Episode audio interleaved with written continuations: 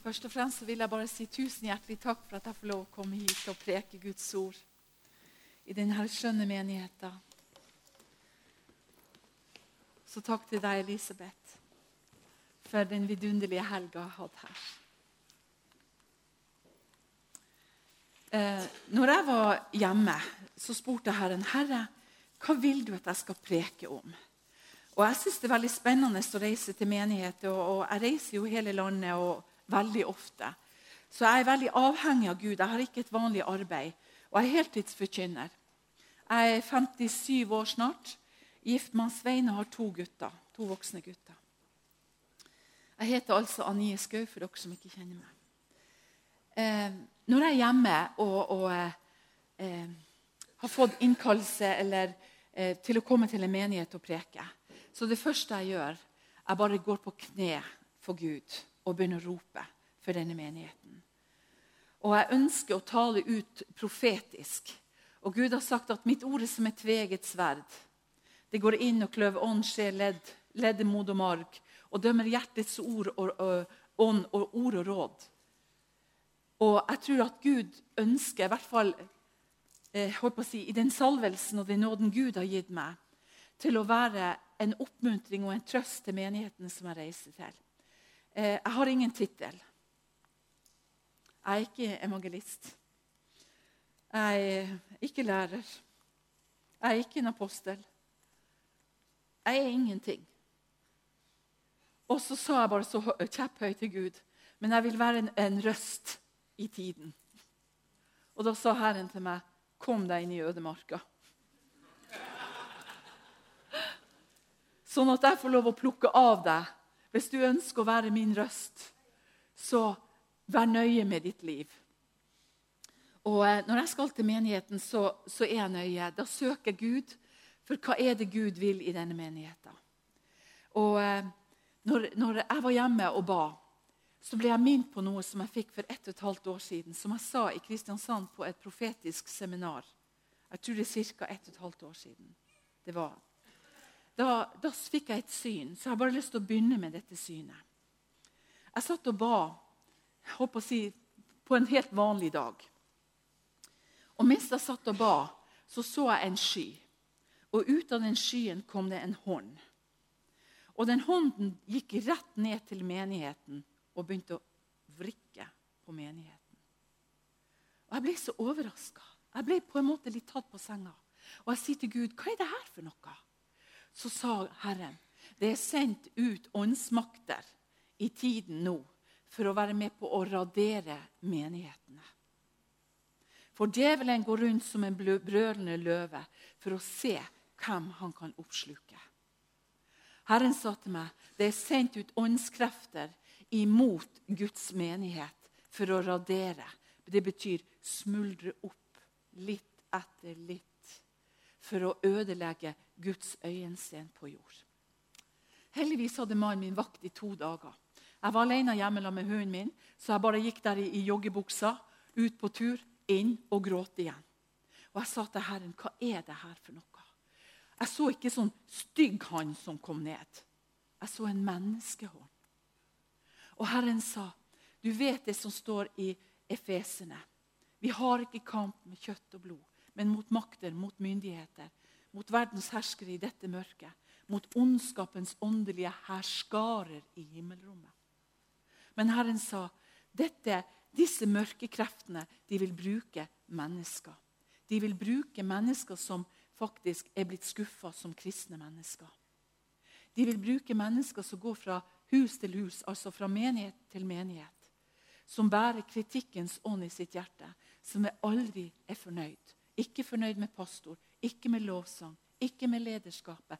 Ingenting. Og Her spurte Herren, 'Kjære Gud, hva med dem? Gud sa, 'Det er de jeg vil kalle dem for frilansere'. Og Gud viste meg det, at det var veldig mange som hadde forkasta menigheten og begynt med husfellesskap. Og Jeg hadde jo rosa husfellesskap i alle år.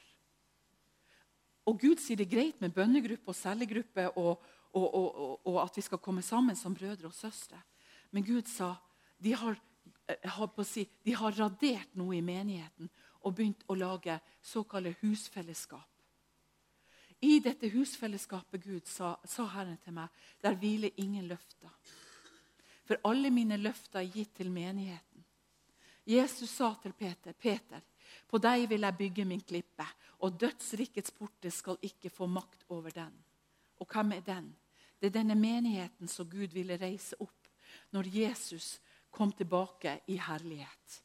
Når han hadde vært holdt på å si, nede i jordas hjerte og betalt prisen for hele menneskeheten.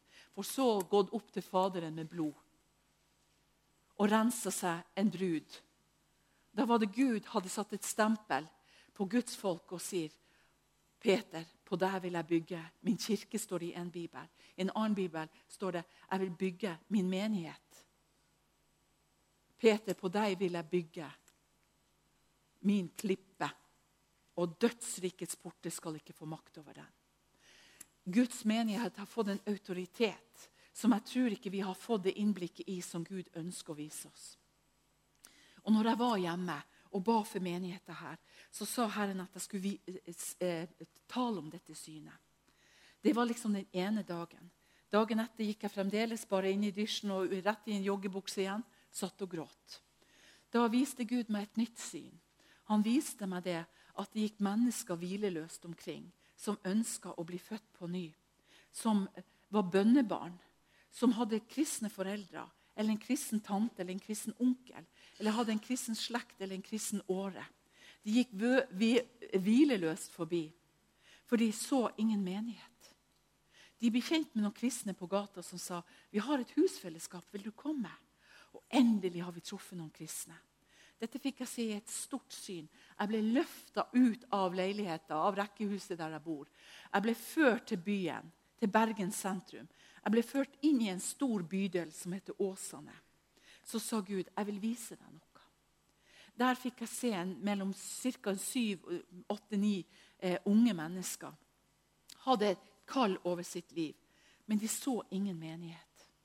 Og Gud sa, hvis ikke menigheten tar tak i det som Gud gjør i disse dager, så vil dette komme til å skje. Og, og Jeg fikk lov å gå nært disse ungdommene i ånden. Jeg bare svevde over det på en måte i lufthimmelen. Og så sa Gud til meg, 'Hør.' Så fikk jeg høre at den ene sa til den andre, 'Ja, men møtte vi ikke noen kristne på gata som sa at de skulle ha en husmenighet der de tilba Jesus?' 'Jo', sier han andre. Så sier han tredje, 'Ja, la oss gå og se om vi finner husmenigheten. Så ser jeg det at de går der det er masse blokker. De begynner å ringe på døren og si finnes det noe husmenighet her. Nei, ikke noe som vi har hørt om. Men du får nå gå i, i kirka. Nei, Men vi vet jo ikke hvor menighet. Neste gikk de til masse eneboliger og rekkehus, og de ringte på, og de var helt fortvilt. Og, og, og sa finnes det ingen husmenighet der kristne er å tilbe Jesus. Nei, vi har ikke hørt om noe husmenighet. Og så sa Herren til meg i dette synet og jeg prøvde liksom å, å, å gi Gud liksom feedback i, i, i, dette synet som jeg sa, så. Så sa jeg til Gud ja, men de i husmenigheten, kan ikke de ha et skilt i vinduet? Så sa Gud men jeg har ikke gitt løfter til husmenigheten. Jeg har gitt løftene til menigheten. Dødsrikets borte skal vi ikke få makt over menigheten. Jeg har ikke gitt noe løfte til noe husmenighet som skal vokse opp som paddehatter og være hist og her. Uten pastor, uten lederskap. At det skal gå på rundgang. Jeg har ikke gitt mine løfter til at midt i menigheten skal menneskene vokse opp og bli sterke og gå ut og vinne, vinne seier og gjøre ende på djevelens gjerninger. Jeg har ikke gitt mine løfter, sa Gud. Jeg går ikke forbi mine løfter. Og mens jeg så de her menneskene gikk, så så jeg faktisk at de ble tynnere og tynnere. Til slutt så holdt de nesten på å gi opp. Så gikk de i en sånn rekkehus eh, og, eh, inn i en gate. Og Så ringte de på som de hadde gjort i mange, og det begynte å bli kveld. Det hadde begynt å bli mørkt. Og Jeg husker at jeg gråt i tre dager. Og Det hadde begynt å bli mørkt, og så sier han ene vi får ta og ringe på dette her rekkehuset, og så kanskje de vet noe. Idet de ringte på og spurte finnes det en husmenighet her i nærheten, så lukka mannen opp døra og han blir sint og banner til dem. Og han sier, 'Hut dere og kom dere i kirka og bedehus og pinsevenner og påskevenner.' De må da nå ha et, en menighet. Kom ikke her og plage vanlige folk.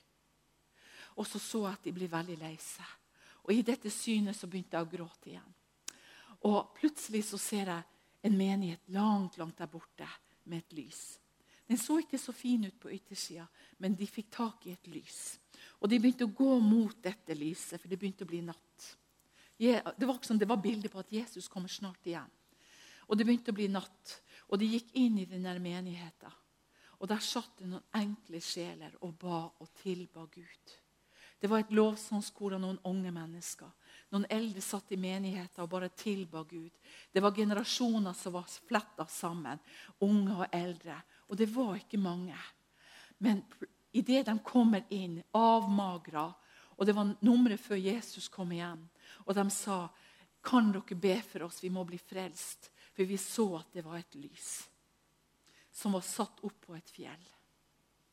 Og da, Idet de kom inn, så så jeg bare hvor de begynte å dele brødet.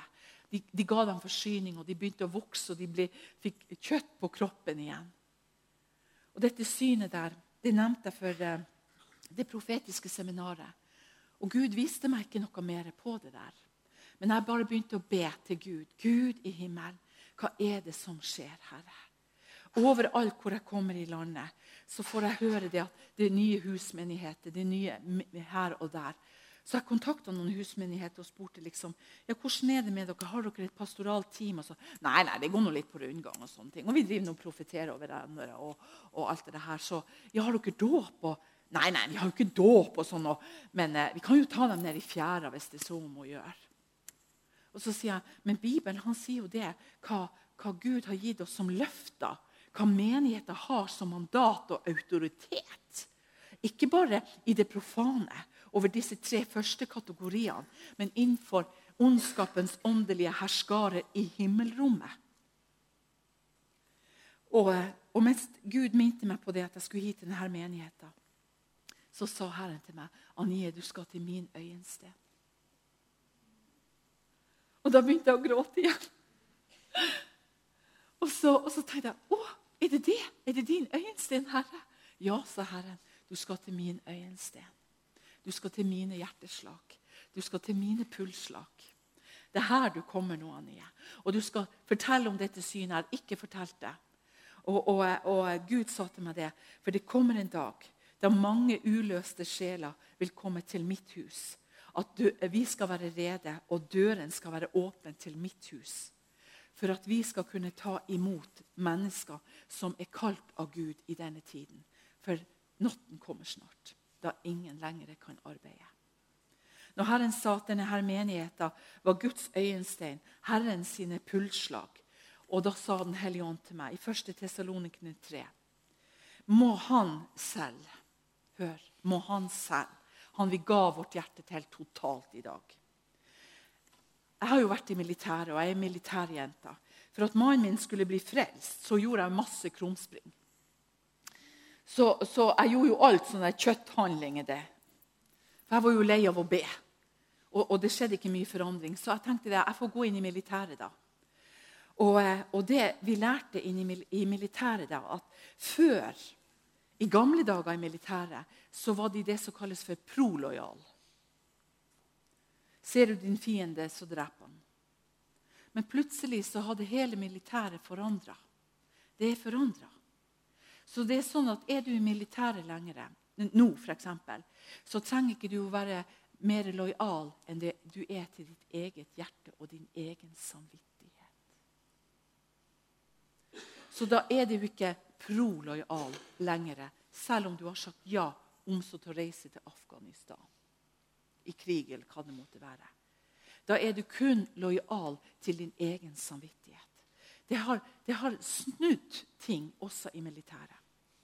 Men jeg bruker å si til Jesus skal vi være prolojale. Han skal ha vårt alt. Det er han vi skal reindyrke. Og I 1. Tessalonikerne 3,11 så står det må Han selv, vår Gud og vår Far, og vår Herre Jesu Kristus, lede vår vei til dere. Her står det om samfunnet i ånden. Hvor er det vi skal bli ledet henne? Vi skal bli ledet til menigheten. Og må Herren gi dere rikdom og overflodig kjærlighet til hverandre og til alle Da er det først og fremst til Guds folk, først og fremst til menigheten Gud snakker om. Jeg må si at jeg har fått et ord. Og Jeg vet ikke helt hvordan jeg skal takle det, men dere får ta det som det er. Når jeg kom inn her, så kjente jeg en veldig livlighet. Og nå er jeg veldig åpen. Og når jeg satt der, så ble jeg bare plutselig veldig kvalm. Jeg følte meg litt syk. Og Gud ønsker at vi skal lære hverandre så lenge det heter i dag. Når Gud taler til oss profetisk, så kan vi kjenne det på veldig mange måter. Jeg ble syk. Jeg kjente meg kvalm. Jeg tenkte, hva i alle dager er det her? Så hørte jeg bare Herren sa hovedpastoren er ikke her. Han er syk. Så jeg måtte bare bøye meg til å si hvor er den andre pastoren? Han er ikke her. Jeg vet ingenting mer. Men jeg, jeg, bare, jeg bare, kjente meg litt sånn syk i hjertet mitt. Og det, det, budskapet som Gud har gitt meg, det er fordi at Gud ønsker virkelig at menigheten skal være så ren og så hellig. At vi skal beskytte pastorer og ledere i denne tiden vi lever. Det er de som det står i Bibelen om at noen ulver vil komme inn og ødelegge flokken. Jesus kalte flokken for lederskapet. Han kalte ikke flokken for de som kom til etterpå. Han kalte de tolv for flokken. Andre kalte til og med lederskapet. Johannes sine disipler og alt mulig. Ja, du og din flokk de faster ikke mens vi driver og faster og styrer på. Så de blir kalt for flokken til Jesus. Og, eh, og når jeg satt der og vi bare begynte å tilbe Gud, så tenker jeg at eh, jeg, jeg, gjør det Gud sier til meg. Så får dere heller bare spise fisken og spytte ut beina, for å si det rett ut. For jeg kjenner det er en frihet. Og når vi satt og tilba, så så jeg plutselig denne mannen der. Jeg så at han sto oppreist i en sånn kappe. Nesten som i en sånn prestelig kappe. Og han hadde en sånn stav ved siden av seg. En veldig høy stav. Og så minte Gud meg om en episode i Bibelen som heter Harold. Den Harold der han ble utsendt fra kongen for å gi mennesker bud. Han, han hadde en autoritet fra kongen med den samme mandatet som kongen hadde til å ha en spesiell autoritet. Han blir, på engelsk kaller han for herald, en som roper ut. Og når vi, jeg gikk på ball på Sjøkrigsskolen, så var det også en sånn herald som sto der og ropte for hver par som kom inn på Sjøkrigsskolen, for at alle skulle få vite hvem som er til stede. Gud har gitt pastoren et spesielt ørneblikk, sånn at han ser. Det er det som er et hyrdehjerte. Og, eh, og, jeg så bare du sto der i en sånn kappe, klar, med kjempestort septer i hånda di, som en sånn eh, kongelig et eller annet. Og jeg bare hørte at du ropte 'Å ja, å ja!' Selv om du kanskje hører på innersida av hjertet ditt 'Å nei, å nei' så har jeg bare lyst til å profetere over ditt liv at Gud har gitt deg en spesielt autoritet fra kongen sjøl, fra Den hellige ånd, til å si 'Herre, å ja, å ja'. At du tar imot den autoriteten, det mandatet som Gud har gitt deg, til å være med på å lede. Til å ha et ørneblikk, til å ha oversikt og til å ha mandatet å kunne se. Å ja, å ja. Amen. Og han ene som sto og sang her, du i din svarte T-skjorte, som sto akkurat her bak meg. Og når vi bare sto der og, og, og, og tilba Gud, så hørte Herren sa, se på denne gutten der. Han har et hyrdehjerte. Jeg har skapt et hyrdehjerte i hans hjerte, som har hjertet på yttersida. Og han vet ikke av og til hvordan han skal gjøre ut av det. Og Herren sier, 'Jeg har gitt deg et stort hjerte' for at du skal favne både de unge og de gamle. Både de som er ute i verden, og de som er inne i menigheten. Jeg har gitt deg et hjerte som favner, som tåler, og som, og som gråter for Herren. Jeg har gitt deg et hyrdehjerte som bærer, som er villig til å gå bak han som roper 'Å ja, å ja'. Som er villig til å få instrukser, og da sier du det samme som han sier. 'Å ja, å ja'. Jeg går med deg. Går du, så går jeg. Og jeg bare hører Herren sier at du er en sånn Jonathan. Som sier, 'Jeg går med deg'. Går du, så går jeg. Gud velsigne deg.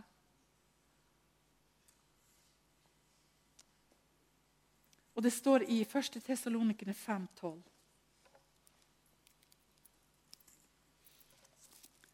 Der står det Må fredens Gud hellige dere helt igjennom. Nå, nå, nå ber jeg bønn for menigheten. Må fredens Gud selv hellige dere, hele menigheten, helt igjennom. Må deres ånd, sjel og kropp Hør Kristi kropp. Ånd, sjel og kropp.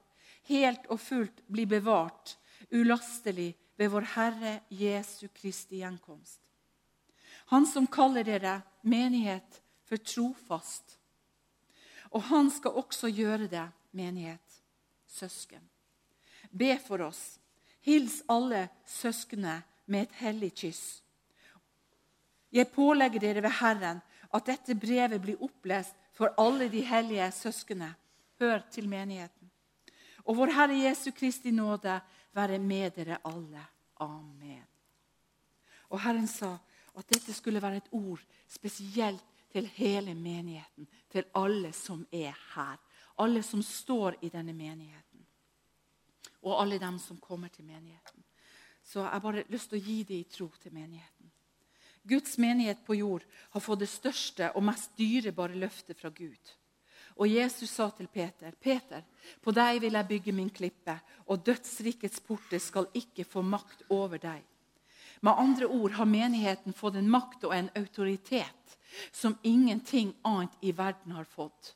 Jesus har betalt en blodpris for menigheten.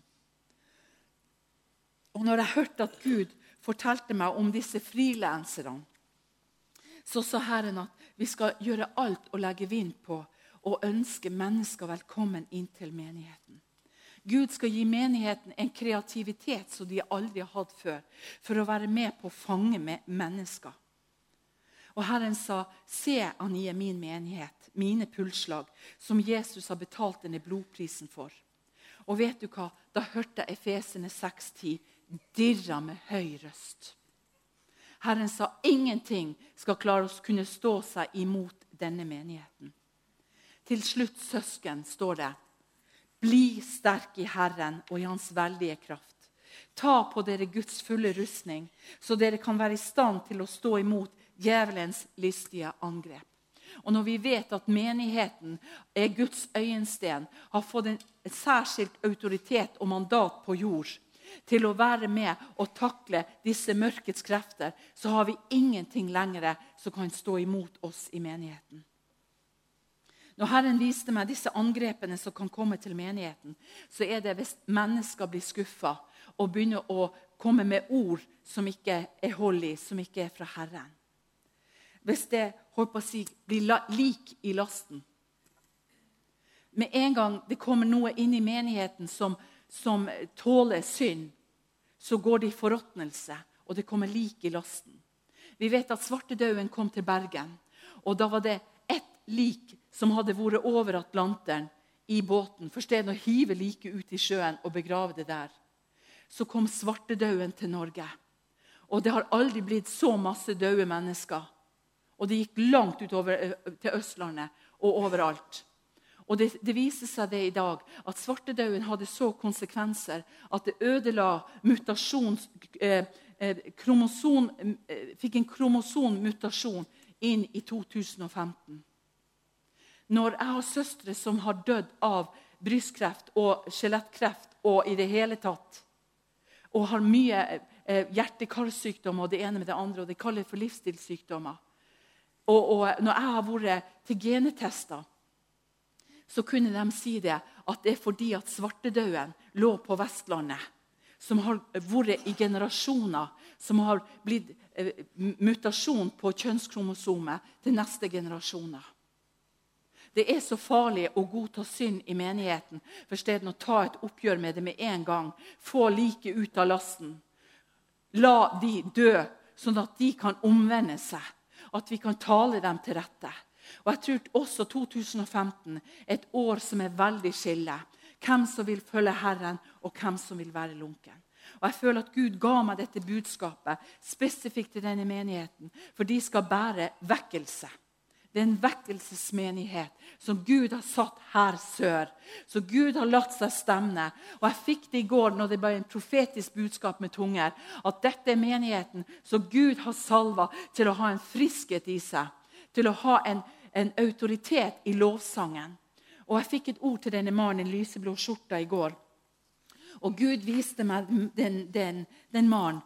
Og Herren sa til meg dette er en mann som er kapabel til å bære en høyhet i lovsangen som det ikke er i nasjonen vår. En høyhet, en kraft, en autoritet som har en åre i seg, som har generasjoner tilbake, som har båret et flagg, som har båret et banner, helliget Herren, satt til side for Gud for denne tiden. Når jeg så det som skjedde med menigheten i landet, som Gud viste meg, så gråt jeg.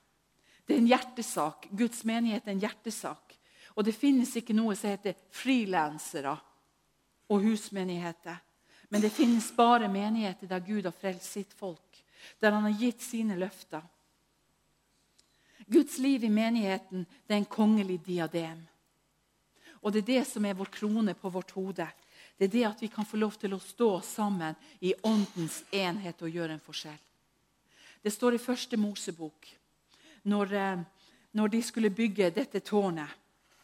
Og Da står det det at da hørte Gud hva de sa der i Babel.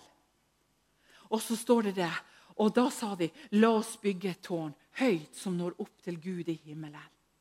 Sånn at vi kan gjøre oss et stort navn på jorden. Gud vil ikke ha noe andre navn enn ære til noe annet enn Jesus Kristus og han korsfesta. Det er det Gud vil ha. Han skal æren i menigheten i all evighet. Og her står det det. Det var et folk som ville bygge seg et navn. Og det er det mange ganger folk ikke kan underlegge seg menighetsstruktur. De kan ikke underlegge seg pastorer og ledere. Og da begynner de som frilansere å lage husmenigheter som ikke har noe tittel, som ikke har noe autoritet. Fordi de vil ikke legge seg under. De vil gjerne ha et navn sjøl. Ja, men du skjønner, jeg har en pastoral tjeneste, og jeg, jeg, jeg, begynner begynner å finne fram ting i Bibelen, så de begynner å profetere over hverandre. Jeg sier ikke at det er galt å møtes i hjemmene, for det har Gud sagt. Vi skal møtes i hjemmet, vi skal ta brødsbrytelse sammen. Både i menighet og hjemme. Bønnegruppe og cellegruppe og hva man nå kaller det for. Men det er ikke menighet. Det er ingen erstatning for menighet. Og I Babel der så står det det at da sa Herren, la oss, den treenige Gud, gå ned, stige ned og forvirre dem. Og Gud slo dem med forvirring, med åndens enhet fra tronrommet, fra Gud, for at de ikke skulle bygge og gjøre seg lik Gud. For det, det står I, i, i Mosebok så står det det. For hva de har i sinnet, kan de få til pga. enhet. Det er veldig alvorlig. Derfor ønsker Gud at vi skal ha åndens enhet og kjærlighetens sambånd, sånn at vi står sterke i menigheten, sånn at vi kan bygge Guds rike med renhet og hellighet. Jeg må si at Det var nesten som jeg sjøl sto i denne menigheten og unge jenta da jeg gikk opp på talerstolen i sted. Jeg tenker, Tenk at ei ung jente kan komme og, og reklamere for ekteskap. Jeg sa til Gud, Herre, det er jo vekkelse. For vi tenker hva er vekkelse? Vi tror at jo, nå har vi fått tre medlemmer og fire medlemmer, og protokollen begynner å vokse, og det ene med det andre. Og tenker jeg, å Guri, er det vekkelse? Men vekkelse er når Gud får gjøre noe med sitt eget folk. Så kan vi gå ut på gater og steder. Så kan være vi kompetente for å hente dem inn. Den menigheten er Guds øyensten. Her råder det enhet og hjertes sambånd. Og Jeg bare anbefaler hele menigheten til å komme på dette ekteskapelige. Både det sosiale og det nære. Så er det ingen som trenger å tenke at nei, jeg har noe så fint i ekteskapet. Skjønner, jeg trenger ikke sånne der, og, nei, du skjønner, For meg er alt håp ute, så jeg trenger noe i hvert fall ikke. Og Vi har nå vært så lenge, og vi trenger noe i hvert fall ikke. Og vi er nå så nyforelska, og vi trenger noe i hvert fall ikke. Jesus sa det er alltid en unnskyldning. Og jeg tror at det er med på å sette fyr virkelig i, i menigheten og beskytte ekteskapene. Jeg skal være ærlig med dere og si at eh, min mann ville gå fra, fra meg. Jeg, vil, ville gå fra han først, i 30-årene. Og jeg vet at er det noe Gud vil bevare i dag, så er det ekteskapene. Og vi vet det at det som er med på å ødelegge menigheten i dag, det er makt, penger, sex, begjær. Det er det som er med på å ødelegge. Og vet dere hva? Satan spør ikke etter alder engang. Det var ei dame som var noen og 70 år. For å si det rett ut i går Hun var 72, eller var hun 74? Så sa hun jeg har fått meg en kjæreste. Kan du be for meg at jeg ikke må falle i synd? Jeg tenkte, Åh. Så sa hun rett ut i seksuell synd. Gud, nei, Satan han spør ikke etter alder. Og Gud ønsker at vi skal være hellige sånn som Herren er hellig. I Hebreerne 10,20 så står det det om at vi, når vi er Kristi kropp, så skylder vi å hjelpe hverandre så langt så det står til oss og Gud med Guds nåde og hjelp. Hebreerne 10,20 så står det vi har en ny og levende vei som han har innviet for oss gjennom forhenget, dvs. Si hans kropp. Så ikke det bare Jesus sin kropp, men det er Kristi kropp på jord som han har banet en ny og levende vei. Armen kan ikke si til foten 'beklager, jeg har ikke bruk for det'. Øret kan ikke si til øynene 'nå ser du så godt at nå kan jeg bare legge ned hele greia'. Vet du, Vi har bruk for alle sammen, unge og eldre, at generasjoner er sammen. Og Jeg syns det er så herlig å se den unge jenta der virkelig profilerte det som har med Guds hjerte å gjøre. Menighet er Jesu kropp, Guds legeme til stede. Vi er hans lemmer på hans legeme. Vi er Kristi legeme. Vi er Guds menighet. Vi er ikke noe erstatning for en klubb eller noe frilanseri-greier som er skuffa på menigheter og skuffa på kristne. Men vi er menighet med et mandat fra tronrommet som har autoritet til å gjøre ende på djevelens gjerninger. Og jeg tror Gud vil sette speilet innover, sånn at vi kan få lov til å se Gud i våre hjerter. Og at vi har en kilde på innersiden. Det står i Ordspråkene 4,11.: Jeg har lært deg opp i visdommens vei. Jeg har ført deg på de rette stier. Når du går, skal dine skritt ikke hindres. Når du løper, skal du ikke snuble. Hold fast på rettledning. Og jeg får si rett ut det her er en profetisk rettledning som Gud har gitt meg. Jeg får være ærlig og si jeg har ikke janteloven mellom ørene. For jeg har ikke anledning til å ha som en kristen. For Hvis ikke så vil jeg bare se på meg sjøl.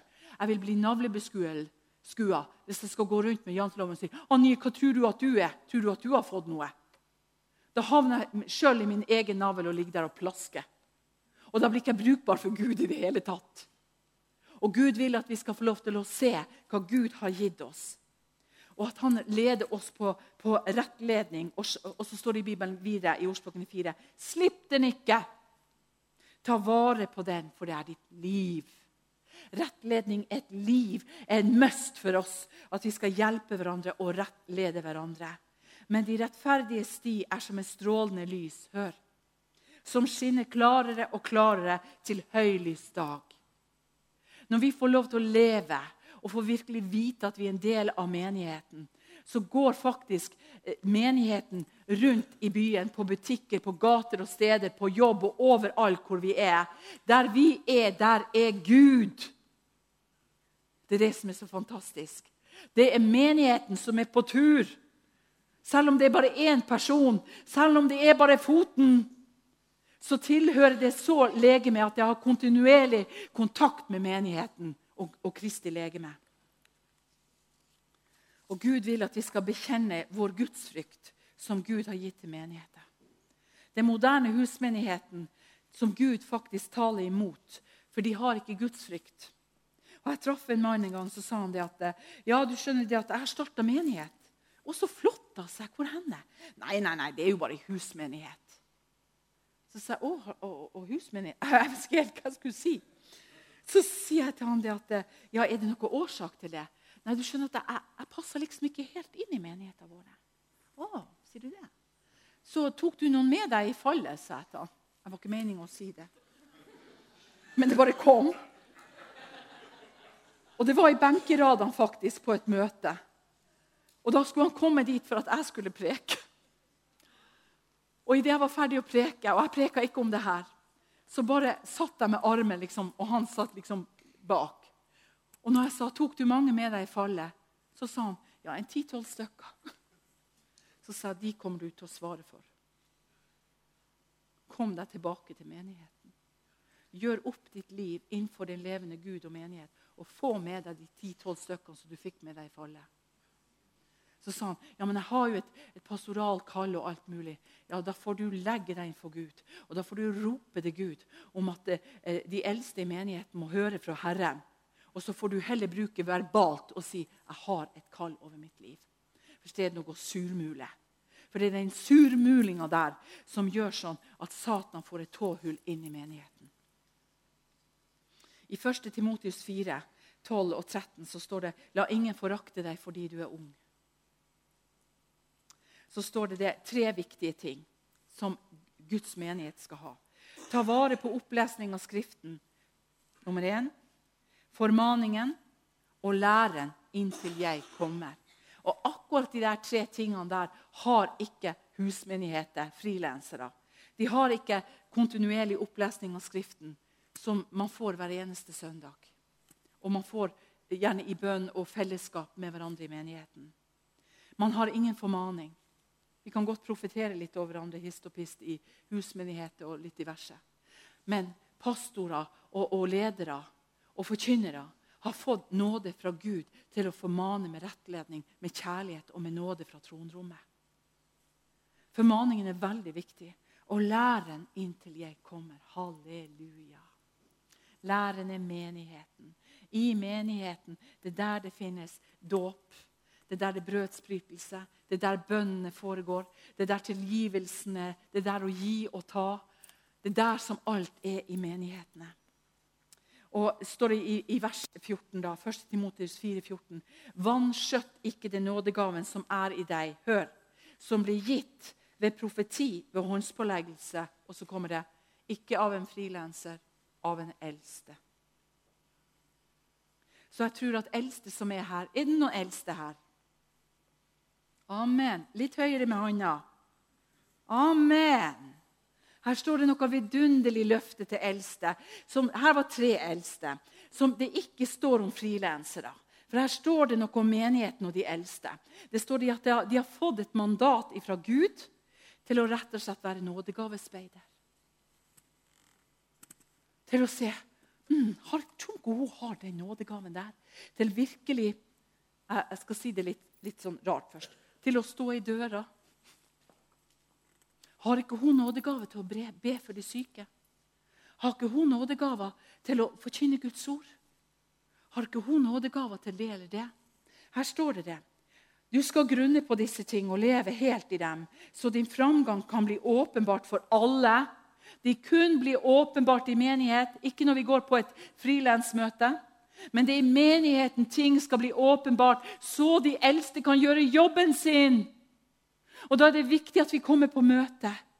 At vi ikke sier nei, vet du hva, det her gidder jeg ikke. Det er bare hun eller han skal preke. Nei, Gud, I dag er jeg trøtt. da. Vet du hva? Jeg snakker like mye for meg sjøl. For å være helt ærlig. Vi alle kan få disse fuglene som flyr over vårt hue, og til og med bæsje litt nedi her. Så sier vi nei, jeg snur meg på andre sida og sover litt til. For det, det, det er det menneskelige i oss. Og, og, og, de har, som de eldste, står det Som de eldste så står det det at de har denne nådegaven fra Gud. Så har dere noe av hjertet, så skal dere vite hvem de eldste Ja vel, gå til dem. Si 'be for meg'. Legg hendene på meg. For jeg, en, jeg tror jeg har noe fra Gud som faktisk må komme fram, som skal bli til hjelp i menigheten. Halleluja. Og Det står i Bibelen videre vers 16. Gi nøye akt på deg selv og læreren. Fortsett med det. For når du gjør det, skal du frelse både deg selv og dem som hører deg. Halleluja. Vi skal fortsette å være trofast mot Gud. Gud vil utøse en kollektiv salvelse over menigheten. Og Jeg får bare si til dere, Beklager at dette møtet varer litt ut. For vet du, jeg kan ikke holde snavla av det Gud har gitt meg. Jeg kunne jo avslutta nå og sett på klokka, men kan jeg få lov å holde ut litt til? Er det greit? Dere får heller bare gjespe litt og puste litt ekstra. Men Herren sa til meg at jeg skulle be for menigheten. For det kommer en åndelig utøselse, en kollektiv utøselse fra tronrommet over menigheten. Over alle grenene, ung og gammel, middelalderen. Og Herren sier for at denne menigheten skal være kapabel til det som ligger foran dem. Og da må vi alle sammen ta vårt eget ansvar. Så er eldste brødre og eldste søstre Halleluja. Har en jobb å gjøre. Vi er satt som vektere på muren, og Guds menighet gjør det klart og tydelig at vi er ikke benkeslitere, noen av oss. Kanskje vi har tenkt liksom, ja, jeg har ikke gjort noe annet. Jeg har nå vært trofast. Jeg har nå funnet den rette stolen min, og her har jeg sittet i 20 år. Men jeg tror Gud vil komme med noe nytt. Halleluja. Å, halleluja, halleluja. Jeg bare kjenner til verdig og mann. Så bare hører Den hellige ånd si at, eh, at Gud vil åpne noen dører for dere nå. Dere har bøyd dere ned til de nedslåtte og de utslåtte. Og Herren sier han vil reise dere opp på nytt. Han vil at dere skal ta hverandre i hånden og si, 'Herre, dette kallet, dette kallet som, som du, Herre, har gitt oss, dette kallet skal vi bringe inn i menigheten.' Og det skal bli en stor del av menigheten. Vet du hva, Jeg ser for meg en sånn kafé. Jeg ser for meg at uh, dere går og ber for nedslåtte, utslåtte og uh, friske og det ene med det andre. Og så ser jeg at dere går og ber og har en helbredelsestjeneste for Gud. En helbredelsestjeneste. Og bare legg hendene på de syke. Halleluja. Du vet at eh, når jeg tok, eh, opererte mine hofter, og jeg har kunstige hofter, så sa jeg til Gud nå kommer ikke jeg til å reise og forkynne på et halvt år. For jeg skjemmes, Gud. Og så sa Gud det gjør ikke jeg. Men det gjør jeg, Gud. Så dagen etter at jeg hadde operert den ene hofta, og fikk kunstig hofta, så kom jo legen og vekte meg så sier han til meg du, 'Hvordan går det?' Så sa jeg 'Veldig vondt'. Så tok han meg til høyre hofta. Så sier han 'Det er ikke den vi har operert'.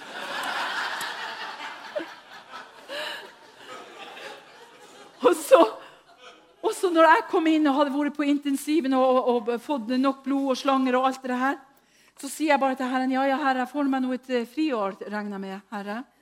Skal være hjemme og bare søke deg og være med mann og barn. Og så sier Herren at eh, men det har ikke jeg bestemt. Jeg har ikke planlagt det. Kommer jeg opp på rommet, så jeg graver jo etter telefonen litt sånn i halvsvima.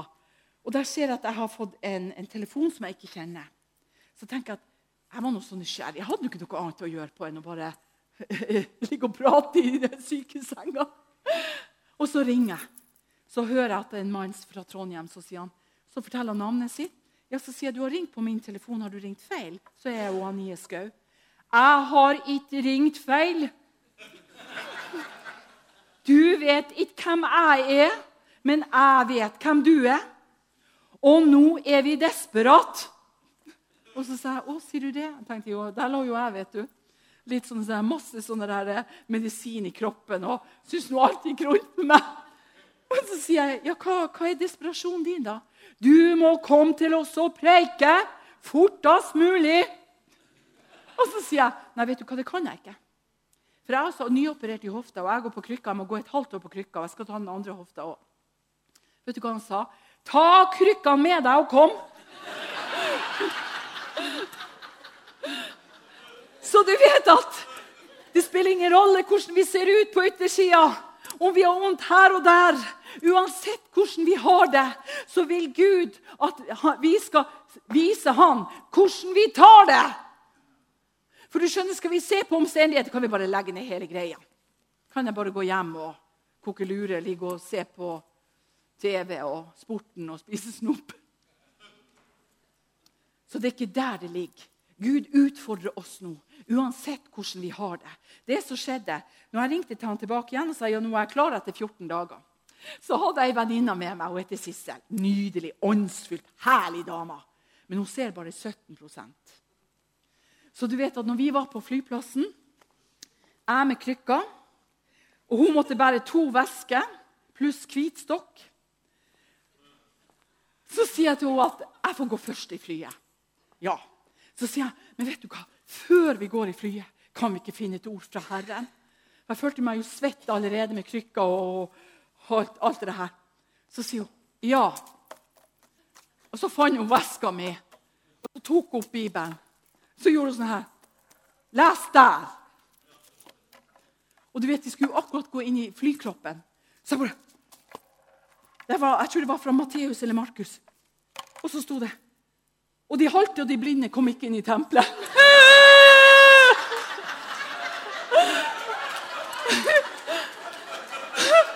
Hva ropte Gud! Er det et spøk? Og så sier hun Hva var ordet? Så sa jeg jeg får si når vi er kommet inn i flykroppen, så vi ikke ombestemmer oss. Og du vet at når vi kom der, så sa pastoren du skjønner det, Våre menigheter er bare i uorden og fulle av krykker. Men de er jo så usynlige.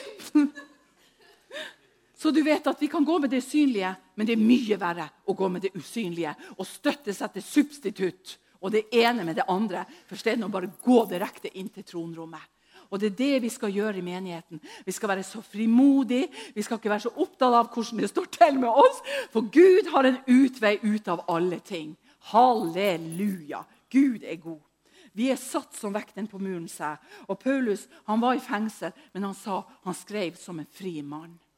Og han sa når dere tar imot meg eller kommer på besøk i fengsel, så se meg ikke i disse lenkene.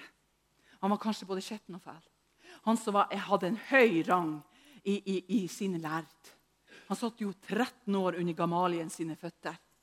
Han var tre år først i ørken, og så var han 14 år i ørken. Måtte ikke han ha kompetanse fra tronrommet? Og der sitter han i fengsel, skitten og fæl, med lenker både her og der. Og når disiplene kommer inn og besøker ham, så sier han, 'Se bort ifra mine lenker.' For inni meg, der er jeg fri. Og det er det jeg vil si. Se bort ifra det som ikke er så fullkomment, men vær fri i Den hellige ånd. Så vil Gud gjøre resten. Det er det som er så fantastisk med Herren. Og du vet at jeg hadde, I mange mange år hadde ikke jeg en frelst mann.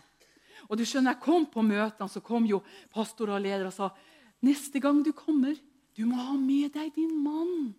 Det må jo være fantastisk å stå sammen. Du som er så elsker Bibelen. Jeg bare tenkte Gud Jeg kunne ikke stå der og si når du skjønner, min mann han er ikke frelst. Så jeg sa ingenting. Jeg sa bare kanskje neste gang. Og nå har jeg min mann med meg. Og han likte å sitte bak. Og så sa han bare ikke be meg komme frem. Han, og han bruker å være på mine møter når jeg er i Bergen. da. Og så sier han bare ikke be meg komme frem. Så sa jeg, Herre, men jeg ønsker egentlig å ha han fram. Han er litt tjukk bamse. Og, og, men for meg er han høy og mørk. Og, og.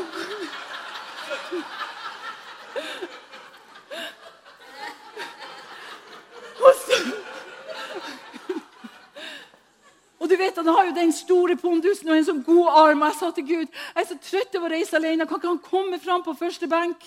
Men så sa jeg Gud, jeg kan ikke lokke han, for jeg har brukt alle midler. Jeg gikk til og med inn i militæret for å bli noenlunde lik han. Det funka ikke da heller. Bare begynte å krangle mer. Så sa jeg til Gud, 'Gud, du fører han fram.' Så kom vi på et møte.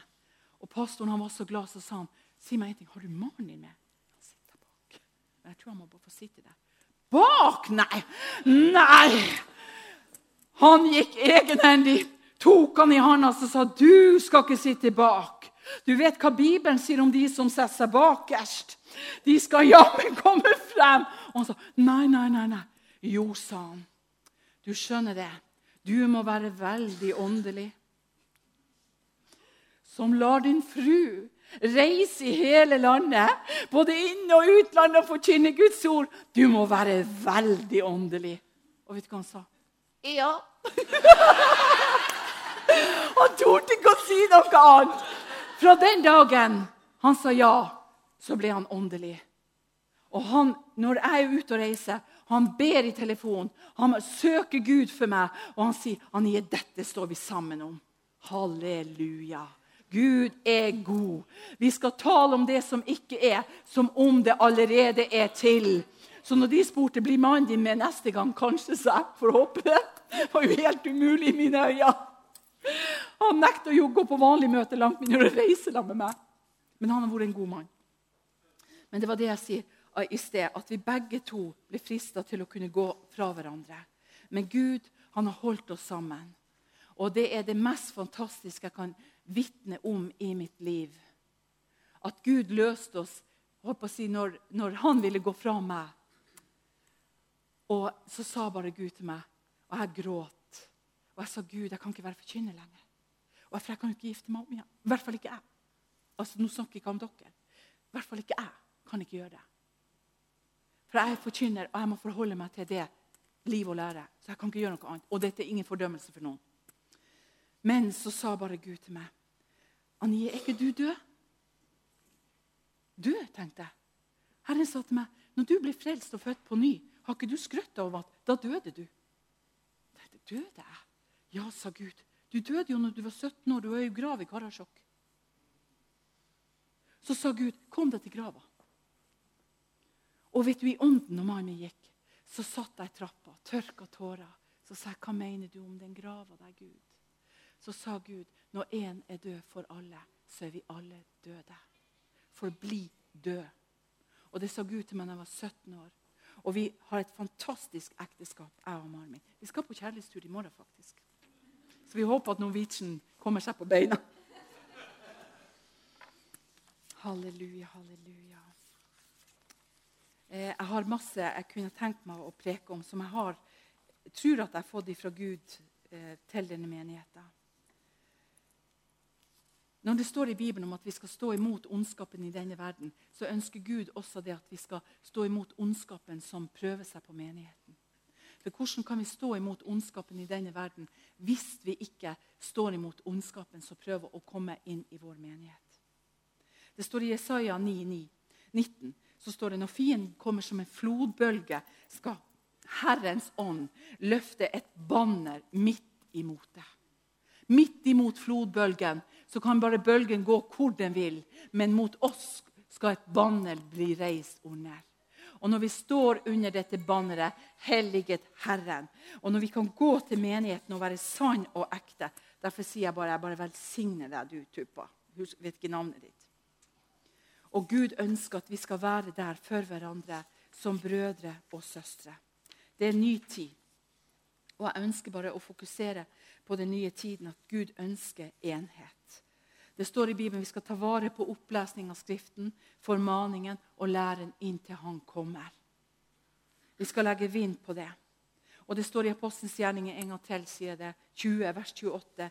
Gi akt på deg selv og hele denne flokken, som Den hellige ånd har satt dere som tilsynsmenn i og eldste, for å vokte Guds menighet, som han har kjøpt med sitt eget blod. Kan jeg lese det en gang til? Apostelens gjerning er 2028. Og nå leser jeg til menigheten, hele menigheten. Gi akt på deg selv og på hele denne flokken, som Den hellige ånd ikke hvem som helst. Ikke et, ikke et regime eller en klubb eller noen som har stemt et eller annet. Men som Den hellige ånd har satt dere som tilsynsmenn i. For å vokte Guds menighet, som har kjøpt det med sitt eget blod. Husk dette ordet. Jeg fikk et budskap som jeg skal lese til slutt. Og jeg tenker mange ganger, Hva, hva er egentlig et profetisk budskap? Er det sånn at vi skal bare hoppe opp brått og brutalt? Da er Den hellige ånd sterkest. Men Bibelen han forteller om også at vi skal få lov til å preke profetisk. Vi skal få lov å leve i det profetiske. Vi skal vandre i det profetiske. Og vi skal være det profetiske som Gud har satt oss til å være på denne jorda. Så jeg har et budskap. Så jeg lurte bare på, Mens jeg leste dette budskapet, kunne vi bare lukke igjen øynene og ta imot dette budskapet. Menighet. Menigheten på jord er dyrebar, og det er du. Du er mitt hjerteslag, du er min seier, sier Herren. Vokt deg for ulvene i fåreklær. De vil splittelse, ødeleggelse og spre og tråkke ned med sine føtter. Men vit at jeg har seiret majestet under jorden, over jorden og i himmelen. Min menighet er mitt mesterverk, bygd på apostlenes og profetenes lære. Mitt blod er fundamentet. Min kjærlighet er bånd og ledd og sener mellom de gjenfødte kristne i min menighet. Hver byggestein er du, som jeg har slipt slik at steinene i huset, mitt byggverk, passer perfekt inn til hverandre. Noen steiner er små, og noen steiner er store i mitt byggverk, men jeg er selve hjørnestein. Noen steiner synes ikke, og noen steiner synes veldig tydelig.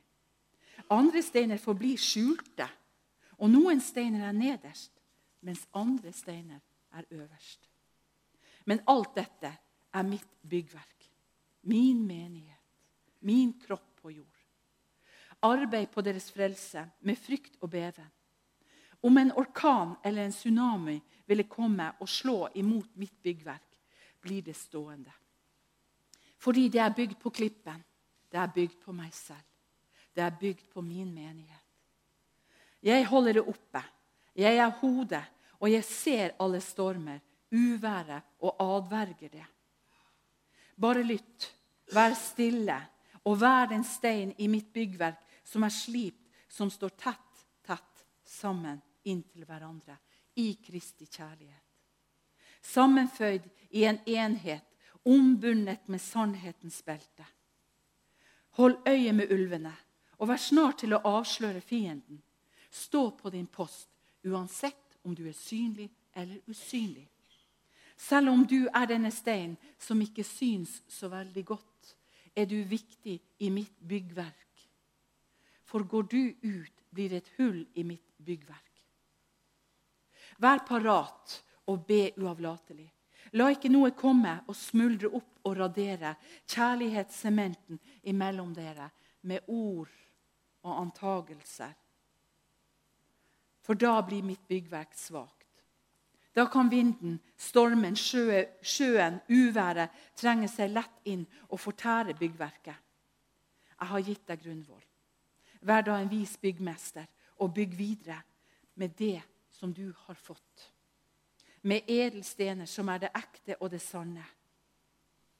Da vil min menighet og mitt livsverk på jord vokse og stå seg imot alt. Den hellige ånd er mine pulsslag i min menighet. Der tar jeg pulsen. Jeg justerer pulsen av nærværet av Den hellige ånd. Etter min kjærlighetssement som er mellom alle stenene i mitt byggverk. Blir pulsen svak, og det kommer inn ord som ikke skal være i min menighet, som raderer og ødelegger, smuldrer sementen opp. Da blir pulsen fra menigheten til mitt hjerte svakt. Og hvor jeg ønsker å utgyte av Min Hellige Ånd, så sterkt at huset rister uten at det kollapser. Som på pinsefestens dag, da Min Hellige Ånd ble manifestert. Min Hellige Ånd bor i min menighet, men av og til er han litt beklemt. Mellom stener som ikke bærer den fullkomne kjærligheten. Jeg, Jesus, ber for dere, min menighet. Du enkeltperson, mitt barn, min menighet, du enhet av mitt frelste folk. Ingenting vil nå være umulig for deg i enhet. Natten kommer snart, da ingen lenger kan arbeide.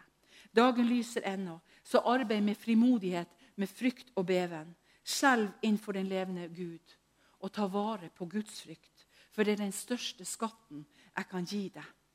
Vær ivrig som det jeg nettopp har kalt deg til, nettopp deg. Vær min byggestein, Vær kry og glad fordi at du står imellom disse steinene i mitt byggverk, i min menighet. Du er mitt våpen på jord mot all urett og urenhet. Mitt hus, min menighet. En dag kommer, sier Herren, vil mange uløste sjeler løpe til menigheten. Vær rede. La døren inn til min hus stå åpen. Døren står mest åpen i mitt hus, i mitt byggverk, når kjærlighetens fundament står mellom steinene. Og da skinner alle steiner slik de skal. Da er huset min menighet sterkt. Bli min kjærlighet, liksom jeg er i min fars kjærlighet. Og Herren sa etterpå til meg, som profeten bar fram toppstein med høye rop og skrik. Og han ropte og sa, ikke ved hær og ikke med makt, men med min hellige ånd. Herren sier, 'Jeg er toppstein i byggverket', sier Jesus. På der vil jeg bygge min klippe, og dødsrikets porter skal ikke få makt over den. Du er mitt løfte, min ære, mitt barn og min menighet. Himmelske Jesus. Takk, Jesus, for at du har forent oss i én ånd. Takk, Gud, for friheten det var å forkynne det budskapet du har gitt meg, Herre. Takk, Gud, for friheten. Og du har sagt der Guds frihet er, der er du, Herre. Der Den hellige ånd er, der er det frihet. Herre, jeg vil bare be for pastorer og ledere. Lederskapet, Herre. Eldste. Og alle nådegavene og tjenestegavene som du har lagt ned i denne menigheten. Herre, jeg vil være med på å grave det opp, Herre, det som er grovt ned. Herre, talenter, Herre Jesus, som var brennende i ånden før. Som var villig til å gi avkastning, Herre. Som var villig til å gå til kjøpmann, Herre. Som var villig til å gå med det talentet i banken som det står i Bibelen. Herre Jesus, og du viser meg nå at det er noen som har gravd ned talentet, for de hadde jo så lite. Vi fikk bare ett utdelt. Og Herren sier det var fem talenter, tre talenter og ett talent. Og Herren sier at disse talentene, både fem, fem og tre og to og fire og alle disse talentene der, som er imellom, så sier Herren, du med det ene talentet, som har gravd det ned og sagt at nei, det var nå ingenting. Herren sier at det skal du svare for, mitt barn. Da må jeg tørke dine tårer. Men Herren sier, jeg vil heller ha avkastning på det talentet jeg har gitt deg. For du er så dyrebar for meg. Du er min øyensten, og jeg elsker deg. Jesus, Jesus, Jesus. Korala si koramontala si kontola si kender. Imbra si kidi sinando aya basanta la via la mondo. Umbre sidento la sohobre si kidi sinando. Herren sier at har, jeg har kalt på ørnen i ånden. En profetisk salvelse som vil være over denne menigheten. Ikke for å synse, men for å skjelne. Og ikke for å jatte med, men for å konfrontere. Ikke for å dekke under teppet, men for å løfte. Herren sier, 'Bli sterk i min veldige kraft', sier Herrens ånd sånn at jeg kan få lov til å gi deg den løpebanen som jeg kalte deg til å løpe. Du med det ene talentet, du med flere talenter, du med fem talenter, tre talenter. Kom, reis deg, sier Herrens ånd, så jeg kan få lov til å bruke deg, min elskede, min elskede. Takk, Jesus.